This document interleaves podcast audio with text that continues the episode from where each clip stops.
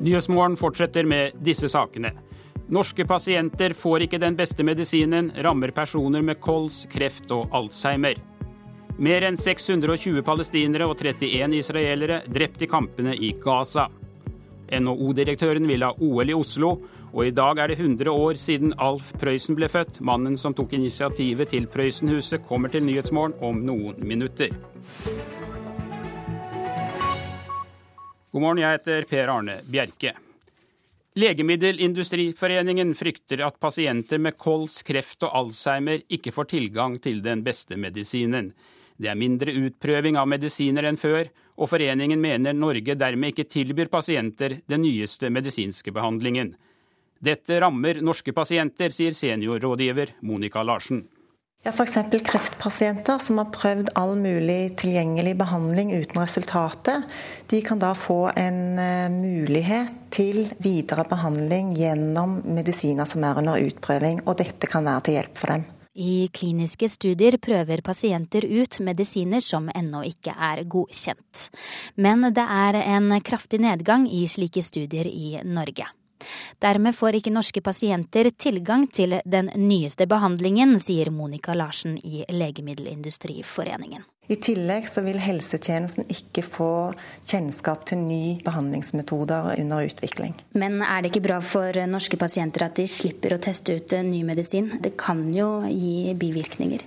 Ja, klart det er fordeler og ulemper, men det er veldig viktig at pasientene får en mulighet til selv å velge om de vil delta eller ikke i kliniske studier. I 2013 var det 110 kliniske studier i Norge. Det er det laveste antallet de siste ti årene. Legemiddelselskapene gjør heller studiene i billigere og større land med flere pasienter. I dag er det sånn at bare 3% av norske kreftpasienter deltar i kliniske studier. I Danmark f.eks. er det det dobbelte.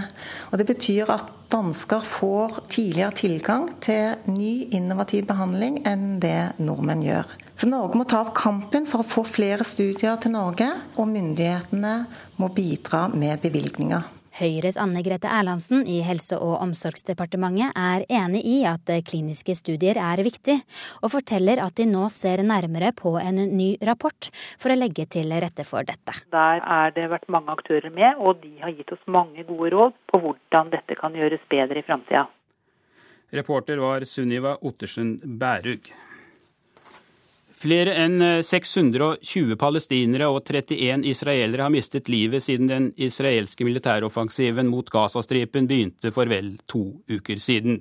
Ifølge FNs organisasjon for palestinske flyktninger har rundt 118 000 mennesker søkt tilflukt i skoler og andre FN-bygg. Og utenriksmedarbeider eh, Odd Karsten Tveit, du er med meg fra Jerusalem. Hva er det siste du vet nå i morges? Ja, Nyhetsmessig så er det blokkeringen av den internasjonale flytrafikken til Israel i minst 24 timer som opptar israelerne og til deres sterke irritasjoner.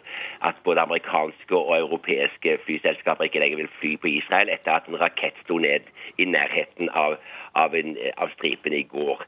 Men det er klart at det er på Gazastripen det skjer. Og nok eh, en natt har vært, eh, det har vært tung beskytning, og de, mange av de 1,7 millioner palestinerne som bor her, har hatt det redselsfullt. Og, og lite tyder på at verken Israel eller Hamas vil stanse denne krigføringen, til tross for oppfordringer om våpenhvile. Men nå har jo palestinske ledere lagt frem en slags plan for våpenhvile fulgt av fem dager med forhandlinger med Israel. Hva ligger det egentlig i dette?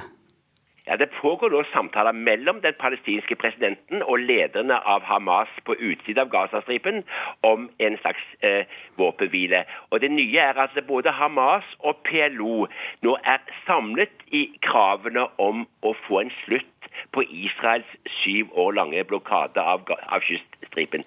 Det er det som er en del av, av kravene til palestinerne. Vi må få levelige forhold på Gazastripen før denne konflikten går over. Og eh, dette gjelder ikke bare Israel, fordi også Egypt har mer eller mindre stengt grensen etter kuppet i Kairo i 2013, og etter at det nye regimet, som ikke er særlig Hamas-vennlig, nå styrer i Egypt. Er det noen som helst tegn på bevegelse på israelsk side, eller er det like fastlåst fra Netanyahus side? Det virker det virker veldig fastlåst. For i Israel er de opptatt av å ødelegge Hamas sin militære kapasitet. Og i tillegg så har de oppdaget rundt 30 angrepstunneler som er gravd inn mot grensen og over grensen til Israel, og som Hamas har brukt til å angripe israelske soldater i det siste. Og de vil ha disse ødelagt. Så det er lite tyder på at israelere er interessert i noen mm. eh, seriøs våpenhvile eh, før de har fått eh, slått til mot Hamas i sterkere grad enn tidligere. Og det er flere partier. Det er ikke bare regjeringens harde kjerne som vil dette, det er flere i Israel som vil ha dette. Nå så vi jo på nyhetene i går at eh, FNs generalsekretær eh, møtte den israelske statsministeren. Kom det noe som helst ut av dette møtet?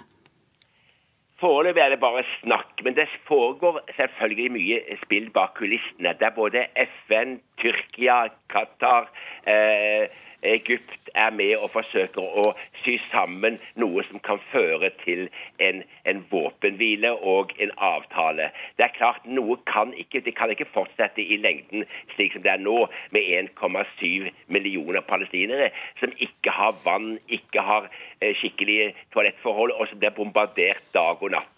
Det er klart at dette kommer til å skje et eller annet, men hvor fort det går, det er usikkert. Jeg er ikke optimistisk. Takk skal du ha, Odd Karsten Tveit, direkte med meg fra Jerusalem.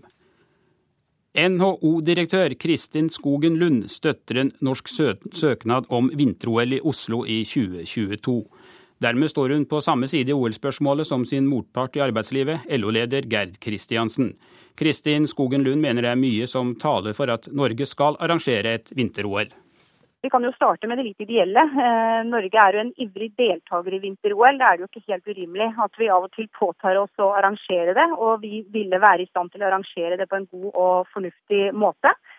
Jeg tror derimot at det er veldig viktig at vi da klarer å ta hele landet i bruk. At ikke det bare blir et Oslo-arrangement, og at dette ikke skal gå utover eh, andre viktige prioriteringer som helse og samferdsel. Dagen etter at LO-leder Gerd Kristiansen sto fram som tilhenger av Oslo-OL, sier også NHO-direktøren ja. Samtidig har Lund forståelse for at mange er skeptiske til Den internasjonale olympiske komité og pengebruken ved et eventuelt OL. Det virker på meg som mye av kritikken mot IOC er berettiget, men da mener jeg at Norge er i en veldig god posisjon til å faktisk gjøre noe med det. Stille krav til hvordan et slikt arrangement skal foregå på en bærekraftig og skikkelig måte. Og når vi først er en aktiv deltaker, så mener jeg også at vi må kunne da ta ansvar for at eh, dette kommer på rett kjøl og blir arrangert i gode former. Reportere her var Halvard Norum og Johan Settem. Og da har jeg med meg redaktøren i ukeavisen Ledelse, Magne Lerøe. Hva er din reaksjon på utspillene fra Skogen Lund og Kristiansen? Ja, på en måte er det overraskende at de eh, velger å stå sammen eh, når det er så massiv motstand mot OL. Men de gjør det nok fordi at de føler at eh, debatten har gått litt skjevt, at, at, situasjonen har låst seg, at de ikke har fått en reell debatt. Så, sånn sett er det greit. Men det er jo ikke saker som har vært behandlet i organisasjonen deres. og Her opptrer de mer som samfunnsaktører, og egentlig ikke med den, med den kraft og tyngde de vanligvis opptrer med. Eh, i arbeidsgiverspørsmål ja, er, det, er dette en sak av så stor betydning at den burde vært behandlet i organisasjonene før de to lederne gikk ut på den måten som de nå har gjort? Vi har vel ikke tradisjoner for at NO og eh, LO har behandlet om hvorvidt vi skal ha et OL eller ikke. Det hadde vært eh, unaturlig, naturlig, tror jeg, å gi denne saken gjenstand for en sånn skikkelig organisasjonsbehandling. Vi vet jo at næringslivet gjerne vil ha OL i, i, i, Norge. Det, det, medfører økt omsetning, det ikke sant? Og, og, det er mange fordeler for de, Men spørsmålet er hva staten, hva, hva, hva befolkningen skal bruke sine penger på. Det er jo det diskusjonen går. Så det er politikerne som har ansvaret her. Og at, eh, at eh, NHO ønsker seg et et OL, det er vel som vi måtte forvente. Det er kanskje litt mer overraskende over at, at LO her er på banen. Men men her har Geir Kristiansen da valgt å markere seg, og det er jo mange medlemmer også i, eh, i LO som ønsker eh, OL. Så, så, så de, får, de, får, delta som aktører her men med, med litt annet mandat enn det de vanligvis deltar med i debatten. Du har fulgt OL-debatten lenge. Hvordan vil det påvirke opinionen at de to store, tunge organisasjonene i arbeidslivet nå går ut på denne måten? Jeg tror ikke det påvirker så særlig, fordi at det ikke har vært gjenstand for en skikkelig behandling i deres organisasjoner. Så Derfor er det meningsytringer fra, fra deres side som andre kan, kan mene ting. LO, OL-saken er rimelig politisk. Det vil ikke skje noe uten at det er tyngre aktører enn de. Hadde nå, hadde nå Støre og Solberg stått fram og sagt at de bør ta en virkelig ny runde på dette her nå, så, så, så vil jo det kunne tilført debatten noe nytt. Men men, men, det er en såpass sterk motstand i befolkningen at politikerne ønsker ikke å utfordre eh, befolkningen ved å gå inn for et OL. Det er iallfall slik som jeg vurderer situasjonen. og Jeg tror ikke eh, LO-lederen og NHO-lederen har så stor gjennomslag, egentlig. Altså, sterk, ja, sterk, motstand i befolkningen eh, snakker du om. Tror du i det hele tatt at det blir noe OL i Norge i 2022? Nei, jeg tror ikke det. Og, og den retorikken som også nå Torbjørn Lund bruker her, den har vi hørt hele tiden. Jeg tror ikke engang det er mulig å få kontroll med et OL-arrangement. At det, at det skjer med fornuftig bruk av eh, milliarder. Man, de tror at det blir eh, dobbelt så dyrt omtrent som, som det man antar, fordi det har blitt eh, som regel. Og Da synes rett og slett folk at nå har det gått for langt. Idretten er blitt for dyr. Vi må gjøre noe helt annet. Og da må, da må, må debatten starter med at eh, Den olympiske komité må forstå det at de må legge om kursen fullstendig før de ber søkerland om å, eh, om å melde seg, slik at man kan virkelig få snudd hele utviklingen når det gjelder eh, OL-arrangementet. Det tror ikke vi greier. Hvis, hvis, hvis, Norge henger seg på nå, så henger vi oss på de premissene som vi har søkt på, og det er at vi har altfor liten kontroll på dette, dette arrangementet blir. Da må jeg si takk til deg, Magne Lerøe. Du hører på Nyhetsmorgen. Klokka er straks 7.15, og dette er hovedsaker i dag. Norske pasienter får ikke den beste medisinen, rammer personer med kols, kreft og alzheimer. Store tap i kampene på Gaza. 620 palestinere og 31 israelere har mistet livet. Og følg oss videre, så skal du få høre at handlekurven kan være rene bakteriebomben. Mange butikker slurver med renholdet. Kvinnene i den muslimske organisasjonen Sisters Corner frykter en vanskeligere hverdag hvis det blir innført nikab-forbud i Norge. De krever å få velge selv om de skal bruke det ansiktsdekkende plagget.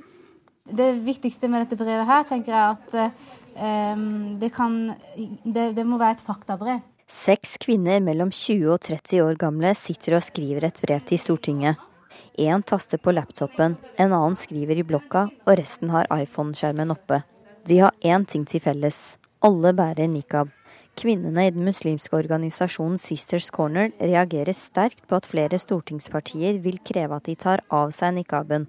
Leila Hasik leder et av prosjektene i organisasjonen. Hun vil selv velge sitt klesplagg. For oss er det essensielt at vi har den valgmuligheten å gå med nikab.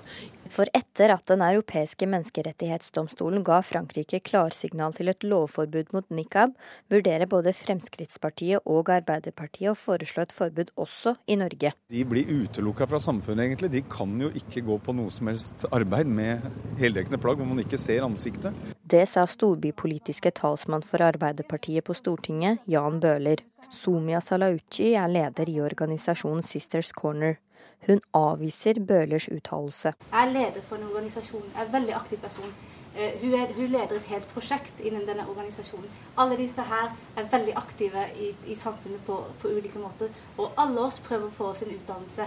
Islamforsker Lars Gule er imot et nikab-forbud, men mener likevel det er utfordringer knyttet til at folk skal dekke ansiktet sitt i offentligheten. Hvis man velger å bruke det, kan man ikke forvente den likeverdige gjensidigheten fra andre mennesker som åpen, naturlig, utvungen kommunikasjon og omgang mellom mennesker forutsetter. Det er faktisk temmelig mange ting som, der vi ja. tar opp niqaben uten at det vil være noe diskusjon blant oss. Så F.eks. når du drar til barnehagen og skal levere ungen din, ja. så viser du at det er deg. Mellom 50 og 100 kvinner bruker nikab i Norge i dag. Mange av disse har god utdanning, og kvinnene i Sisters Corner mener at konsekvensen av et nikabforbud vil være at flere av de kvinnene forsvinner utenlands.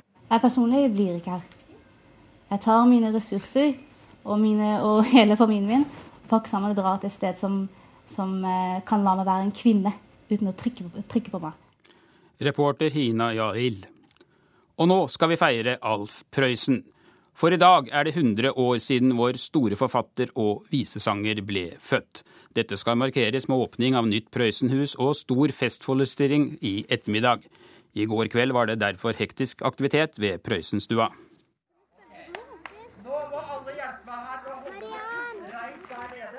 Festivalsjef Hogne Mo har en travel dag på jobb. Skuespillere, artister, benker, drikke, krakker, skilt og musikkanlegg skal på plass. For i dag, den 23. juli, hadde Ringsakers store sønn Alf Prøysen vært 100 år. Det skal markeres rett ved Prøysenstua, der Prøysen vokste opp. Og nå øves det for harde livet på utescena. Ja, vær så god. Men det er mer enn replikkene som skal sitte. Mye skal på plass i det nye Prøysenhuset, som er tegna av Snøhetta og sponsa av forretningsmannen Arthur Buchardt. Et steinkast unna ligger Kusvea, der Prøysens snille nabo Annbjørg bodde. Men i natt er det kulturkonsulent i Ringsaker kommune, Guri Kaashagen, som har bodd her. Jeg har sovet her i natt, og klokka fire da ble jeg vekta. Kikkeliki! Da var hanen oppe. Men du, hvorfor er det du har vært her så mange timer nå? Nei, det er jo for at det er Prøysen-festival, og det er skikkelig trøkk. Det er mye som skal på plass. Ja, ja, ja, ja. Og duvede blommer med rødlette kinn.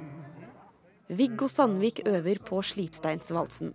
Dugnadsfolket svetter, og Kristine Lundsbakken bærer vann. Akkurat nå driver vi og bærer litt vann til artister, så de ikke skal tyste i hjel. Det er jo ganske varmt i dag. Jeg lager i stand røykplasser, sånn at de ikke skal røyke rundt eh, på hele området. Der det ser minst ferdig ut, er ved Mikkelikski-scena. Vi fikk takstein i stad, som vi ikke skulle egentlig få i morgen, før i morgen. Så det skal på i kveld, før vi skal gi oss i hvert fall. Loffer og slåss har vi ikke lov til å nekte sin far. Mange har lurt på om Alf Prøysen egentlig ville hatt så mye oppmerksomhet rundt bursdagen sin. Hogne Mo tror han hadde likt det. Jeg tror det. Altså Jeg hører det er noen som sier at han ville helst ikke stikke seg fram og sånn.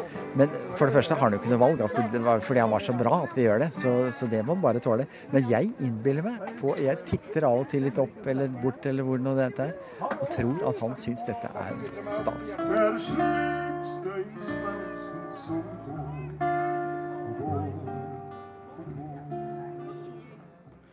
Og det nye Prøysenhuset åpnes offisielt av stortingspresident Ole-Mikk Thommessen klokka 14 i dag. Reporter i Ringsaker var Hanne Stine Kinn. Ja, dette er vel også en stor dag for deg, Arthur Buchardt med meg fra studio på Lillehammer? Ja, det er en veldig hyggelig og fin dag. Du er jo mest kjent som forretningsmann, men tok initiativet til å få bygd et nytt Prøysenhus på Rudshøgda mellom Hamar og Lillehammer. Hvorfor det? Nei, det var jeg hørte at eh, staten ikke skulle gjøre noen spesiell markering av 100-årsdagen eh, til Alf Prøysen, og det reagerte jeg på. Og da, da begynte snøballen å rulle, og eh, Ringsaker kommune hadde bevilget 5 650 000 til, til toalett- og servicebygg. Og det var grunnlaget for å, å eh, lage noe større uh, ut av det. Nå kjenner vi jo deg som eh, forretningsmann og investor. Har du noen forretningsmessige interesser i å få bygd eh, dette huset? Nei, overhodet ikke. Det slår bare ut i verdiregnskapet. Det er kanskje ikke det mest lønnsomme du har gjort? Nei, tvert imot. Men eh, vi som er i næringslivet er absolutt ikke bare opptatt av kroner og øre. Så det er ikke unikt. Men hvis det ikke er lønnsomt, så er det kanskje noe av det mest hyggelige du har vært med på? Ja, det eh, har vist seg da å, å være veldig, veldig givende. For eh, det er så mange som er positive til det. Og det er en, eh, forteller litt om Alf Prøysens posisjon i folks hjerter og hjerner. Hva er galt med det gamle Prøysenhuset? Du, jeg var med å lage det òg eh, for 20 år siden sammen med Oddvar Nordli og Bente Eriksen. Og det var riktig til sin tid. Eh, nå er det nye krav til formidling og innhold, og derfor denne nye arenaen. Nå har du sørget for det meste av finansieringen, Bukkart, slik at Ringsaker kommune kan overta dette gjeldfritt. Men hvor sikker er du på at dette kommer til å gå bra, at huset ikke blir en økonomisk belastning for kommunen? Nei, det er vi ikke sikre på. Det er opp til eh, Ringsaker kommune og Hedmark fylke og nasjonen Norge å holde liv i dette og bruke Alf Prøysens forfatterskap for alt det er verdt. Og ha aktivitet og ha innhold som gjør at folk besøker det og bruker det. Du har engasjert deg sterkt i dette nye huset. Hva slags forhold har du selv til Alf Prøysen? Du, jeg har bodd i Brumunddal og Ringsaker i 28 år. Og jeg eh, kjente folk som var eh, blant Prøysens beste venner. Og eh, det er eh, den formidlingen Alf Prøysen har om, om følelser og tanker og menneskeverd og rettferdighet som har appellert til meg. Takk skal du ha, Arthur Buchardt, og gratulerer med dagen. Takk skal du ha. Så skal vi bla litt i dagens aviser. Flyktet fra Gaza til fred og ro, skriver Stavanger Aftenblad, og forteller om et norsk-palestinsk par som forlot krigsområdet i all hast forrige helg. Nå er de i trygghet i Stavanger, men jeg blir redd hver gang et fly passerer over byen, sier 21 år gamle Romaisa til avisen. Tidligere konsernsjef i Hydro, Eivind Reiten, kommer i Dagens Næringsliv med gode råd om hva slags bakgrunn den nye Hydro-sjefen bør ha. Stillingen er ledig etter at Svein Rikard Brandtzæg tidligere i uka ble ansatt som ny konsernsjef i Yara. Ifølge Reiten bør den nye Hydro-sjefen ha tung norsk forankring og være i stand til å få Hydro til å vokse. Dessuten må han kunne kutte kostnader. Regjeringen lover mer EU-lojalitet, skriver Klassekampen. Norge er nest tregest i Europa når det gjelder å innføre nye EU-direktiv. Men nå lover statssekretær Ingvild Stub bot og bedring. Vi tar grep for å effektivisere og innføre EØS-regelverket raskere, sier hun til avisen. Barnevernets ansatte føler seg presset til å jobbe gratis, ifølge Bergens Tidende. Arbeidstilsynet er bekymret for de barnevernansatte i Årstad bydel i Bergen. Mange saker, høy innvandrerandel og for få ansatte gjør arbeidspresset stort, leser vi på første side i BT.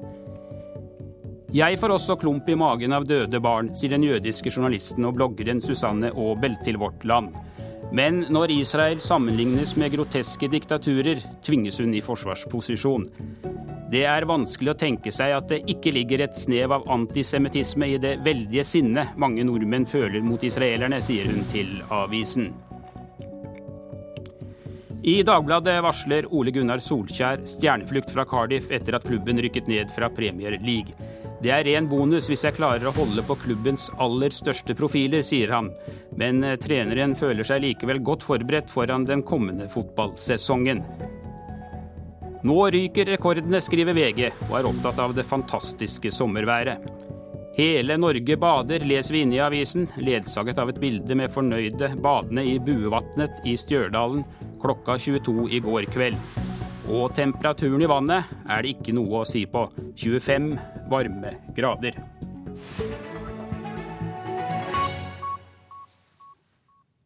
Det er ikke sikkert det er det første du legger merke til når du skal handle, men ofte ligger det brødsmuler, søppel eller annet grums i handlekurvene i butikkene. Dette kan være rene bakteriefeller. Mattilsynet er langt fra fornøyd med vaskerutinene i butikkene, og mange kunder klager på møkk og skitt. Du har sikkert lagt merke til dem. Alle de møkkete handlekurvene rundt omkring i matvarebutikkene.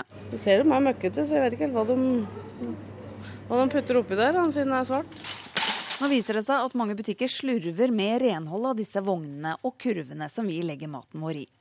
Enkelte av dem kan være rene bakteriebomber. Det er et, eh, ofte et slags eh, svart belegg som kommer ned i særlig de handlekurvene etter hvert. Da. Det er vel en blanding av, eh, av bakterier og litt matvarerester og, og, forskjellige ting. Og det kan jo sette seg over på, på maten.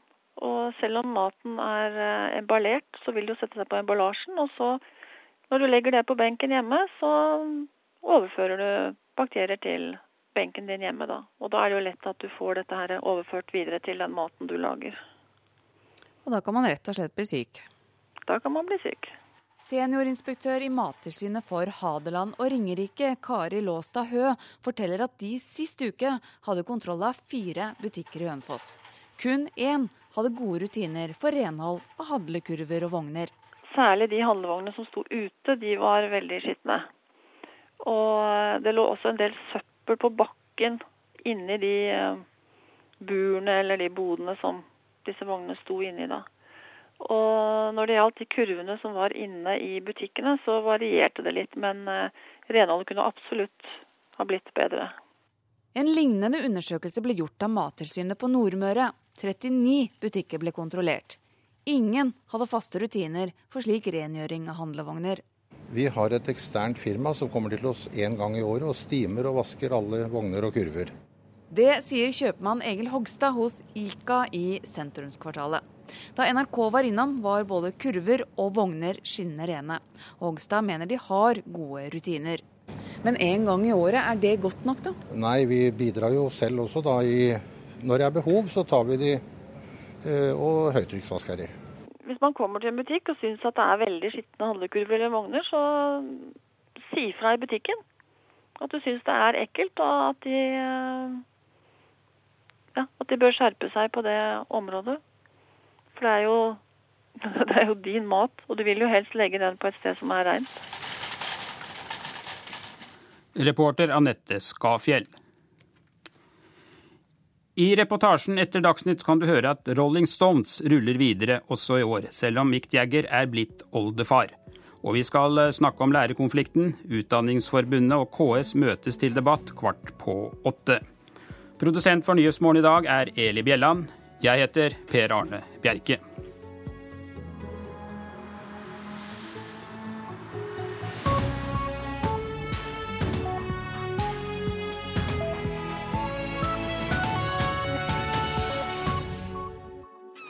Sommer i P2. Jeg heter Håvard Fjell. I dag skal jeg fortelle deg, kjære lytter, om eh, hvordan det er å jobbe som fakir. Jeg ligger på spikersenger, jeg står på macheter og jeg henger i kroker. Og dette skal jeg fortelle deg alt om i Sommer i P2 i dag. Sommer i P2. Kjente stemmer inviterer deg nærmere. I dag klokken ti.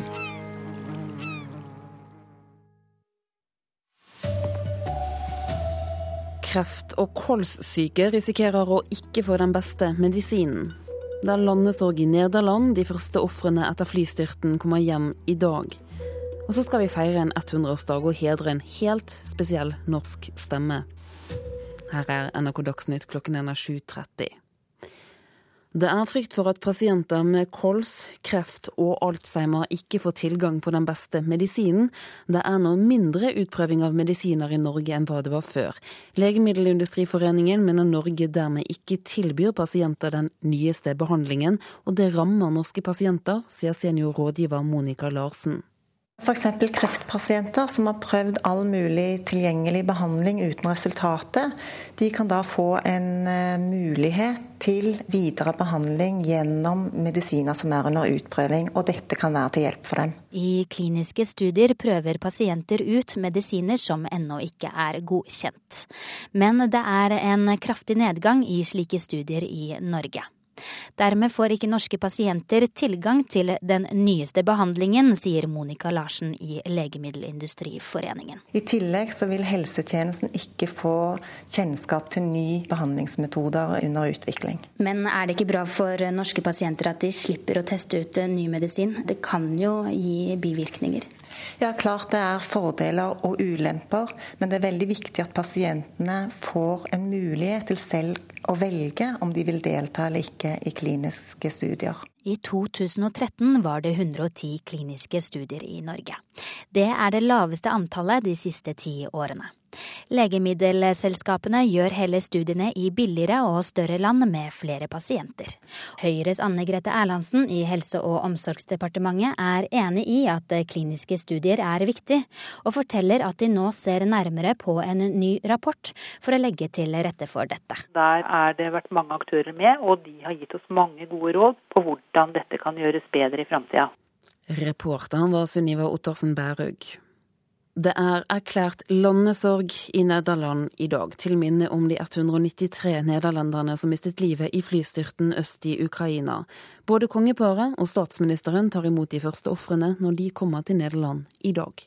Fortsatt legger sørgende nederlendere ned blomster og bamser foran Schiphol flyplass i Amsterdam. I dag skal endelig kroppene som er funnet, sendes til Nederland, slik at de kan identifiseres. Det burde ha skjedd tidligere. Slektningene ville ha sine kjære tilbake, slik at de kan gi dem en skikkelig begravelse, sier en kvinne som har møtt opp på flyplassen. I dag flagger Nederland på halv stang. 193 av passasjerene var nederlandske statsborgere, og Nederland har erklært landesorg. Amerikansk etterretning sier nå at flyet trolig ble skutt ned ved en feil av prorussiske opprørere øst i Ukraina. Det sa reporter Maria Abdli. Over 300 passasjerer som skulle fly fra Israel til Skandinavia, sitter fast i Tel Aviv. Flere internasjonale flyselskaper har valgt å innstille rutene til og fra Tel Aviv etter at en rakett fra Gaza slo ned i nærheten av flyplassen i går. SAS sier de forsøker å booke passasjerer om til andre flyvninger. NHO-direktøren er nå enig med LO og sier ja til et OL i Oslo. Kristin Skogen Lund mener mye taler for at Norge skal arrangere et vinter-OL. Vi kan jo starte med det litt ideelle. Eh, Norge er jo en ivrig deltaker i vinter-OL. Det er jo ikke helt urimelig at vi av og til påtar oss å arrangere det. Og vi ville være i stand til å arrangere det på en god og fornuftig måte. Jeg tror derimot at det er veldig viktig at vi da klarer å ta hele landet i bruk. At ikke det bare blir et Oslo-arrangement, og at dette ikke skal gå utover eh, andre viktige prioriteringer som helse og samferdsel. Dagen etter at LO-leder Gerrit Kristiansen sto fram som tilhenger av Oslo-OL, sier også NHO-direktøren ja. Samtidig har Lund forståelse for at mange er skeptiske til Den internasjonale olympiske komité og pengebruken ved et eventuelt OL. Det virker på meg som mye av kritikken mot IOC er berettiget, men da mener jeg at Norge er i en veldig god posisjon til å faktisk gjøre noe med det. Stille krav til hvordan et slikt arrangement skal foregå på en bærekraftig og eh, skikkelig måte. Og når vi først er en aktiv deltaker, så mener jeg også at vi må kunne da ta ansvar for at eh, dette kommer på rett kjøl og blir arrangert i gode former. Reportere Halvard Norum og Johan Settem. I dag er det 100 år siden forfatter og visesanger Alf Prøysen ble født. og Det markeres bl.a. med åpning av, åpningen av et nytt Prøysen-hus og stor festforestilling i ettermiddag. Og I går kveld var det derfor hektisk aktivitet ved Prøysenstua.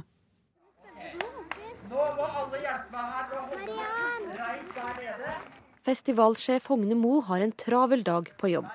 For i dag, den 23. juli, hadde Ringsakers store sønn Alf Prøysen vært 100 år. Det skal markeres rett ved Prøysenstua, der Prøysen vokste opp. Og nå øves det for harde livet på utescena. Ja, vær så god. Mye skal på plass i det nye Prøysenhuset, som er tegna av Snøhetta og sponsa av forretningsmannen Arthur Buchardt. Ja, ja, ja, ja. Da duvede blommer med raulete kinn. Viggo Sandvik øver på slipsteinsvalsen. Dugnadsfolket svetter, og Kristine Lundsbakken bærer vann.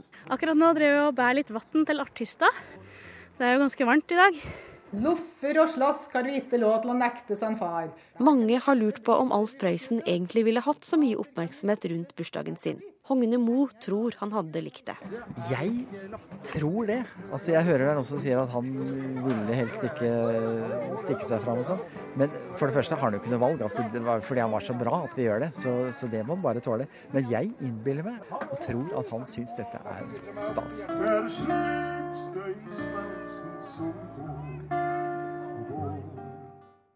Reporteren det var Hanne Stine Kinn. Kulturkommentator Agnes Moxnes, du har sett det nye Prøysenhuset. Det åpner i dag. Hva synes du?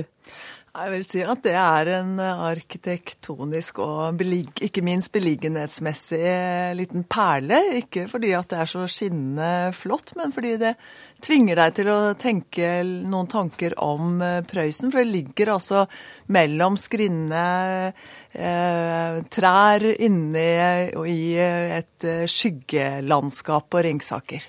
Hva oppnås med å bygge et nytt Prøysenhus? Ja, Det vet man jo ikke ennå, men det man ønsker å oppnå, det er helt klart at eh, den store entusiasmen for Alf Prøysen som rår her på Hedmark, at den skal eh, liksom spre seg tilbake igjen til eh, hele Norge, sånn at Prøysen kan gjeninnta den posisjonen han en gang hadde. Og i dag markerer vi altså da et 100-årsjubileum. Men hvor mange tror du vil kjenne til Alf Prøysen om la oss si 100 år? Det er ikke godt å si, det er litt avhengig av den jobben som gjøres på det nye Prøysenhuset nå. Men eh, jeg vil nok tro at det er vanskelig å tenke seg at det kommer en dag hvor f.eks. alle har en et sessionbånd på Gjøvik kommer til å være uaktuell tekst. Hva er det som gjør at man trenger et Prøysen-hus for å huske på Prøysen fremover? Det er vel det at man skal ha et, et, liksom et kraftsentrum hvor det jobbes eh, ut ifra, og det er nok det som tenkes nå. Det har vært et, et Prøysenhus der tidligere også. Eh, det var mer et museum. Nå ser man nok konturene mye mer av et opplevelsessenter, mer enn et eh, museum. Agnes Moxnes, takk skal du ha. Syklist Alexander Kristoff er fornøyd med at han får en norsk lagkamerat neste sesong, for i går så ble det offentliggjort. Svein Erik Bystrøm har signert for Kristoffs lag, Katusha, og Kristoff sier at han kjenner Bystrøm godt. Det er en kompis av meg som jeg trener mye med, så eh, det er positivt for min del. Sven Erik Bystrøm blir snart Norges nye proffsyklist, og han skal sykle sammen med Alexander Kristoff i Katusha. Kristoff, som har kontrakt med Katusha ut neste sesong, ser frem til å få en god treningskamerat på laget. Men norsk lagkamerat til tross, Kristoff vil ikke love at han forlenger med det russiske laget. Så klart de må jo komme med et minst like bra tilbud som andre lag, men uh når de har Sven Erik der, så er jo det en eh, ekstra pluss. På dagens Tour-etappe får Kristoff nye Pyreneer å bryne seg på. Kommer man i mål for sent, så får man ikke være med videre, og det frykter 27-åringen. Det er en typisk etappe hvor tidslimiten blir et problem. Det er bare opp og ned hele veien, og da er det fort å miste tid. Reporter Henrik Agledal. Ishockeyspiller Mats Zuccarello og New York Rangers er enige om en ny kontrakt på ett år verdt drøyt 21 millioner kroner. Det betyr et lønnshopp for nordmannen på 14 millioner kroner, det skriver Nettavisen. Og Zuccarello går i høst inn i sin femte sesong med New York Rangers. Ansvarlig for denne dagsnyttsendingen det er Kjartan Rørslett. Det er Frode Thorshaug som har ansvaret for teknikken. Her i studio, Turi Grønbekk.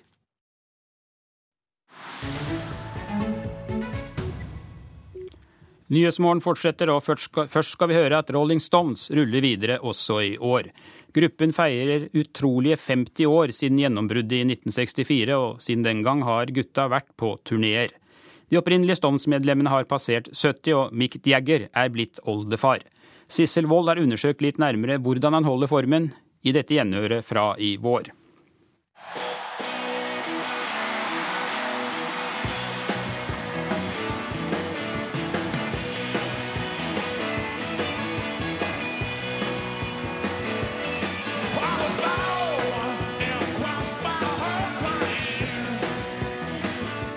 Hvordan er det mulig, tenkte jeg da jeg så snart 71 år gamle Mick Jagger på scenen i over to timer løpe, danse, vrikke seg og hoppe opp og ned som en 25-åring. Hva går han på? At en oldefar holder stand som en av verdens fremste rockere, og den i best fysisk form, er naturstridig. Så hvordan gjør han det? Um, det ser vanskeligere ut enn det er, sa en beskjeden sir Mick til australsk TV i vår.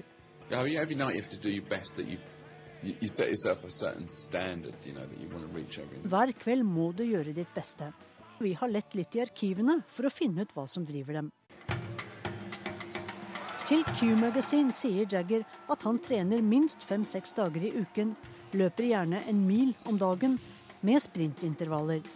Han driver også med svømming, kickboksing, sykling, yoga, pilates og ballett for å holde på midjen på bare 71 cm og vekten på 64 kg. Og frontfiguren kan takke sin disiplinerte gymlærerfar for mye. Joe Jagger sørget for at Mick holdt seg i form. Nå er Jaggers personlige trener norske Torje Eike, som har trent fotballspillere og toppidrettsfolk, samt Gary Halliwell fra Spice Girls. Avisen The Daily Mail har gått gjennom Jaggers treningsregime og har regnet ut at han går og løper nesten 20 km på hver konsert. Sammen med Mick Jagger har Keith Richards og trommis Charlie Watts vært med helt fra begynnelsen i 1962. Men de to lar aldringen gå sin gang, for både Watts og Richards har gått fra grått hår til hvitt nå. I snart 50 år har de spilt Satisfaction sammen, og publikum jubler fremdeles. We get four generations of people watching us. It's fabulous. It's a marvellous thing to see the little nips getting turned on to the same music as the great grandparents. Yeah. Fire generasjoner hører på oss nå, sier Stones yngstemann på bare 66 år, Ronny Wood. Richards liv har vært hardt. Heroin, hard drikking, festing, mye jobbing og lange turneer. Men det han har hatt dødsangst for, er 13-åringer. Nothing scared me as much as being caught in a crowd of 13 year old girls that have just lost it. Tear you to pieces. And uh, they're tearing you to bits. You know, and, uh, you know, if there's one way to die, you know, it might as well be it, pal. Try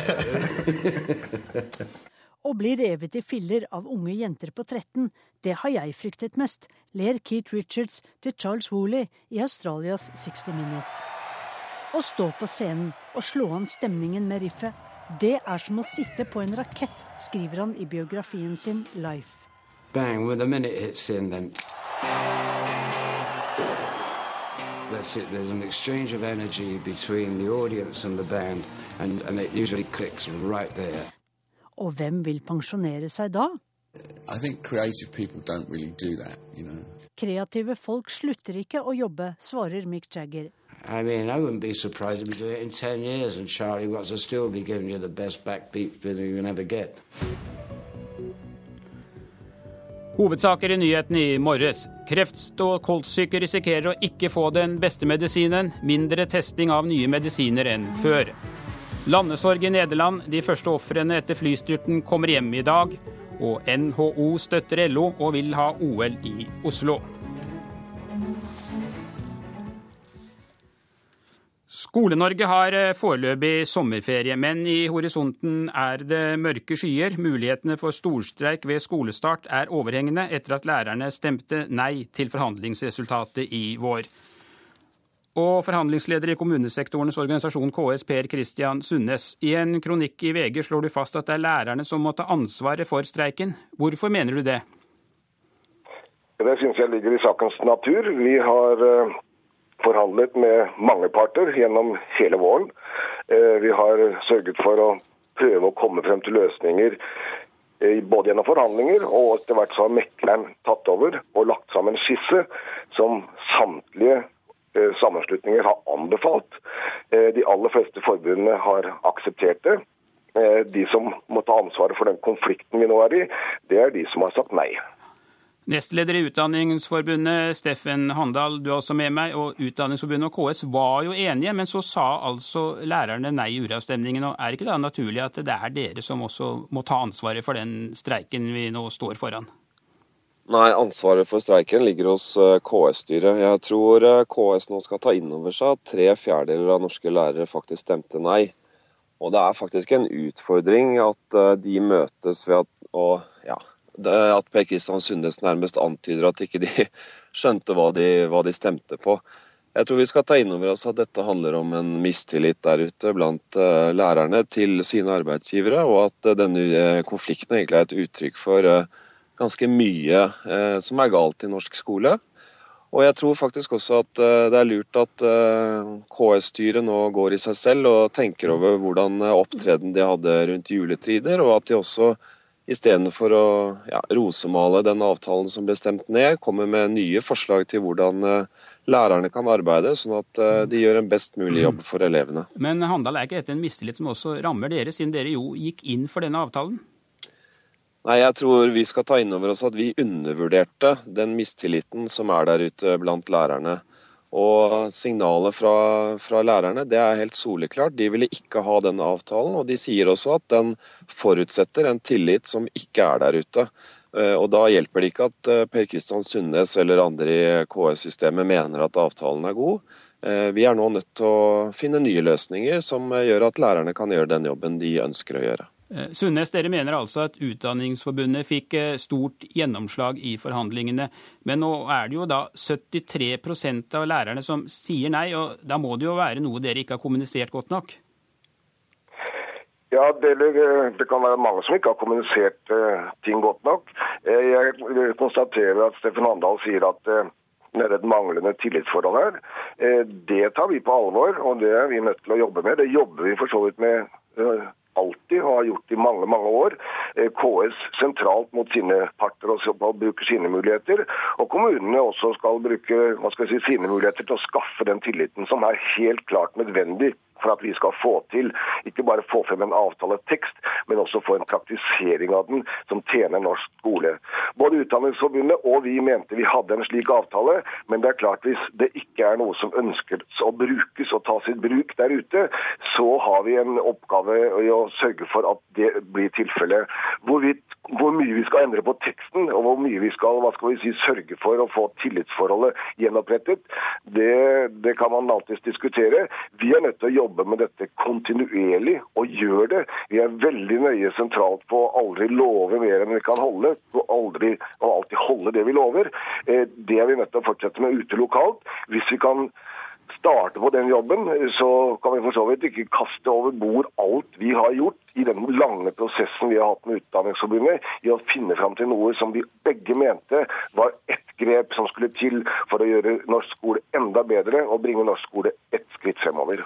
Eh, Men Per Kristian Sundnes, jeg, jeg, tror det er viktig at uh, du tar inn over deg det norske lærere nå har sagt. De har gitt dette et klart nei.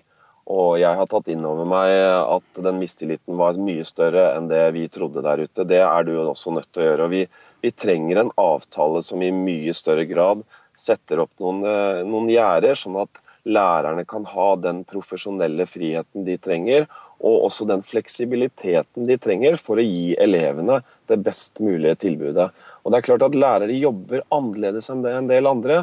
Det er veldig stor belastning i noen perioder, og det er mindre belastning i andre perioder. Og Det da å skulle på en måte eh, ja, eh, ramme inn arbeidstiden på den måten som eh, vi forsøkte, det gikk ikke. Det er vi nødt til å ta inn over oss, og nå er vi nødt til å finne en bedre avtale. Sundnes, hvor mye har du å gå på når det gjelder dette omstridte punktet med arbeidstiden? For det er jo det som er årsaken til at dette skar seg fullstendig.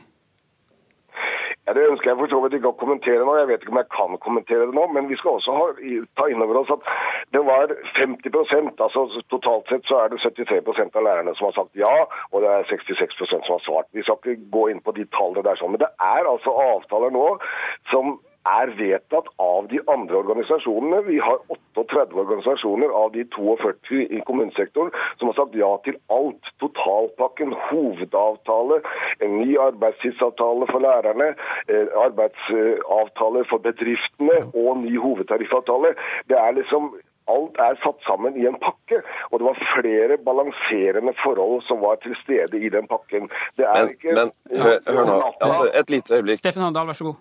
Et lite øyeblikk. Eh, altså 93 000 eh, medlemmer har Utdanningsforbundet på det gjeldende området. Tre fjerdedeler av dem sa nei til denne arbeidstidsavtalen.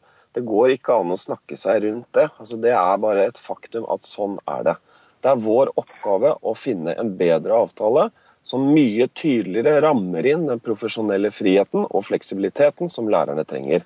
Og jeg har lyst til å si en ting til. Det KS gjorde rundt juletider ved å gå ut og angripe norske lærere, vil jeg nesten si, representert av Gunn Marit Helgesen, leder av KS, det provoserte så kraftig og var et uttrykk for den mistilliten som ligger der fra lærerne til arbeidsgiverne. og det, det, tror jeg man skal ta inn over seg. Når jeg sitter og hører på dere to, så virker jo dette her fullstendig fastlåst. I dag er det altså 23. juli. Og Sunnes, hvordan skal dere klare å unngå en storstreik når skolen begynner igjen i august? Ja, Det er et godt spørsmål. Jeg tror ikke jeg verken kan eller vil svare på det i, i, i, over, over, radioen. Jeg tror, eh, jeg er helt enig med Steffen Handel at vi er nødt til å sette oss sammen, og det er vi som kan løse den saken. Det er klart at uh, han har sitt syns på hva som er eh, løsningen. Det er liksom å gå tilbake til akkurat det som eh, hva skal vi si, 73% av de som stemte, svarte nei til. Eh, det er mange muligheter til å løse den saken. Det er ikke nødvendigvis bare de lærerne som stemte nei sitt alternativ som er det eneste. Det er det alternativet vi må finne. Det er det som er akseptert av både lærerne og av de som skal faktisk drive norsk skole, og som har fått skoleeieransvaret for å gjennomføre gjennomføre undervisningen i norsk skole. Ja. Jeg stiller samme spørsmål til deg, Steffen Handal. Er det mulig å unngå en storstreik i august? Det er et veldig vanskelig eh, spørsmål å svare på. Men jeg har lyst til å si at vi, det første vi må gjøre, det er å anerkjenne hverandres ståsteder. Jeg synes at Det Per Kristian Sundnes og KS gjør nå, det er at de på sett og vis mistenkeliggjør hva som ligger til grunn for det nei-et som er så kraftig. Og man prøver på sett og vis å kjempe for denne avtalen selv om på en måte så mange har sagt nei. Det er et veldig dårlig utgangspunkt for å bygge ned denne mistilliten. Vi er nødt til å være mye mer konstruktive i vår tilnærming hvis vi skal få til dette. og Det er Utdanningsforbundet innstilt eh, på. Og jeg er helt sikker på at norske lærere også vil, eh, vil kunne finne løsninger på, på sin arbeidstid. Si takk til dere, Steffen Handal og Per Christian Sundnes. Og så er det klart for dagens sommergjest her i Nyhetsmorgen.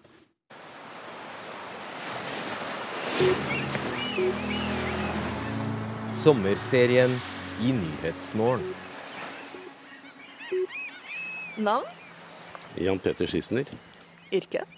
eh, for- fondsforvalter. Hva skal du gjøre i sommer? Ja, for meg så er ferie bare å jobbe andre steder fra. Vi har, jeg har vært noen uker i Frankrike, og dit skal jeg tilbake igjen til høsten. Nå midt på sommeren så pendler jeg for Oslo, er deilig om sommeren. Bør det være lov å ta seg et glass vin eller et glass øl i parken? Hmm, vanskelig spørsmål. Ja, naturligvis burde det være lov å ta ett glass vin eller ett glass øl i parken. Men jeg er redd det fort ville skli ut, og det ville bli mange glass øl og mange glass vin. Og det er ikke noe hyggelig å gå i en park hvor det er åpenbart berusede mennesker som vandrer rundt. Eh, gir du penger til tiggere? Komplisert spørsmål. Ja, jeg gir penger til tiggere. Eh, Det er de som selger Oslo, er det Oslo og Vi det heter? Det er ikke alltid jeg tar med av avisen, men de syns i hvert fall gjør en innsats.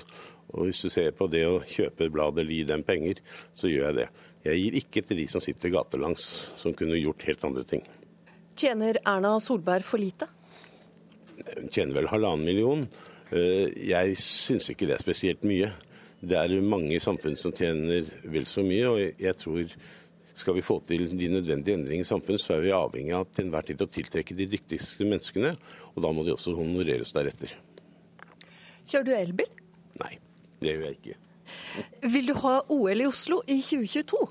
Jeg vil gjerne ha OL i Oslo i 2022, men jeg vil ha et OL som kanskje koster 5-10 milliarder, ikke et som koster 50. Og det vil si at Slik det nå er lagt opp til, så er jeg motstander av OL.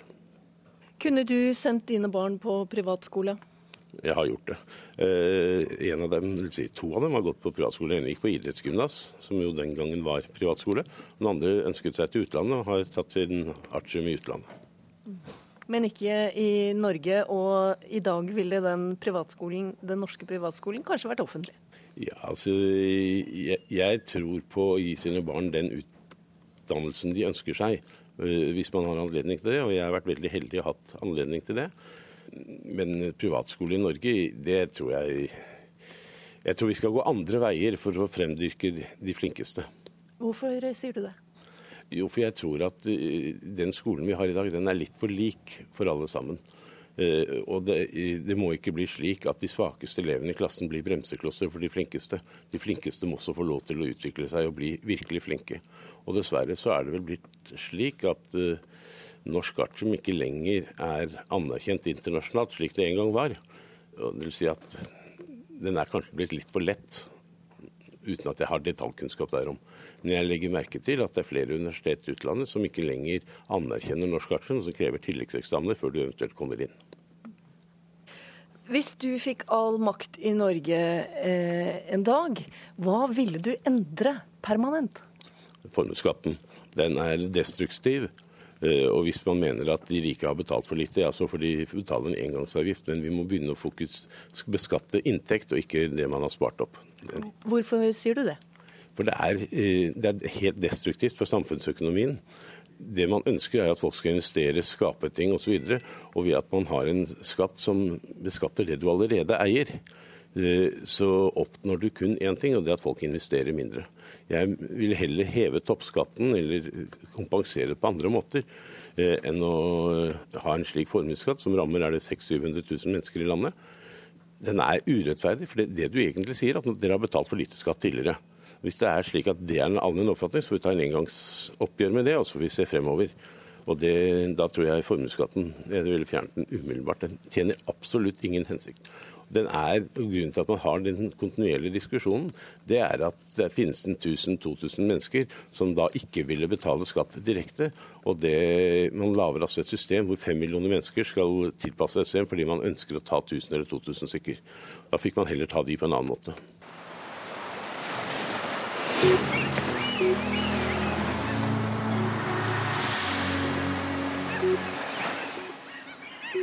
Jan Petter Sissener ble intervjuet av Hedvig Bjørgum. Så det, skal vi se litt på været i dag. Langfjella skiftende bris, for det meste pent vær.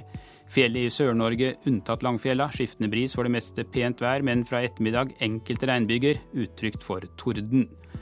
Agder, Telemark og Østlandet skiftende bris, for det meste pent vær. Vestlandet sør for Stad solgangsbris, pent vær, men lokal tåke ytre strøk først på dagen. Møre og Romsdal og Trøndelag skiftende bris, utrygt for lokale ettermiddagsbyger i indre strøk, kan hende med torden. På kysten lokal tåke, ellers pent vær. Nordland skiftende bris, i ytre strøk lokal tåke, ellers for det meste pent vær. Troms skiftende bris, periodevis sørvestlig bris på kysten. I ytre strøk en del lave tåkeskyer eller stort sett opphold, og en del sol. Finnmark skiftende bris, på kysten vestlig liten kuling, forbigående litt regn, ellers opphold. Og Nordensjøland på Spitsbergen sørvestlig bris, litt regn. Og så var det temperaturene. Stort sett uendret temperatur, med andre ord fortsatt varmt de fleste steder. Temperaturene her er målt klokka sju. Svalbard lufthavn sju grader, Kirkenes tolv, Vardø ti, Alta 14. Tromsø-Langnes 12, Bodø 16, Brønnøysund 17, Trondheim 19, Molde 18, Bergen har 16 grader, Stavanger 20, Kristiansand 17, Gardermoen 19, Lillehammer har 17, Røros 15, og i Oslo er det 19 grader nå i morges. Nå fortsetter Nyhetsmorgen med Dagsnytt, etterfulgt av Kulturnytt.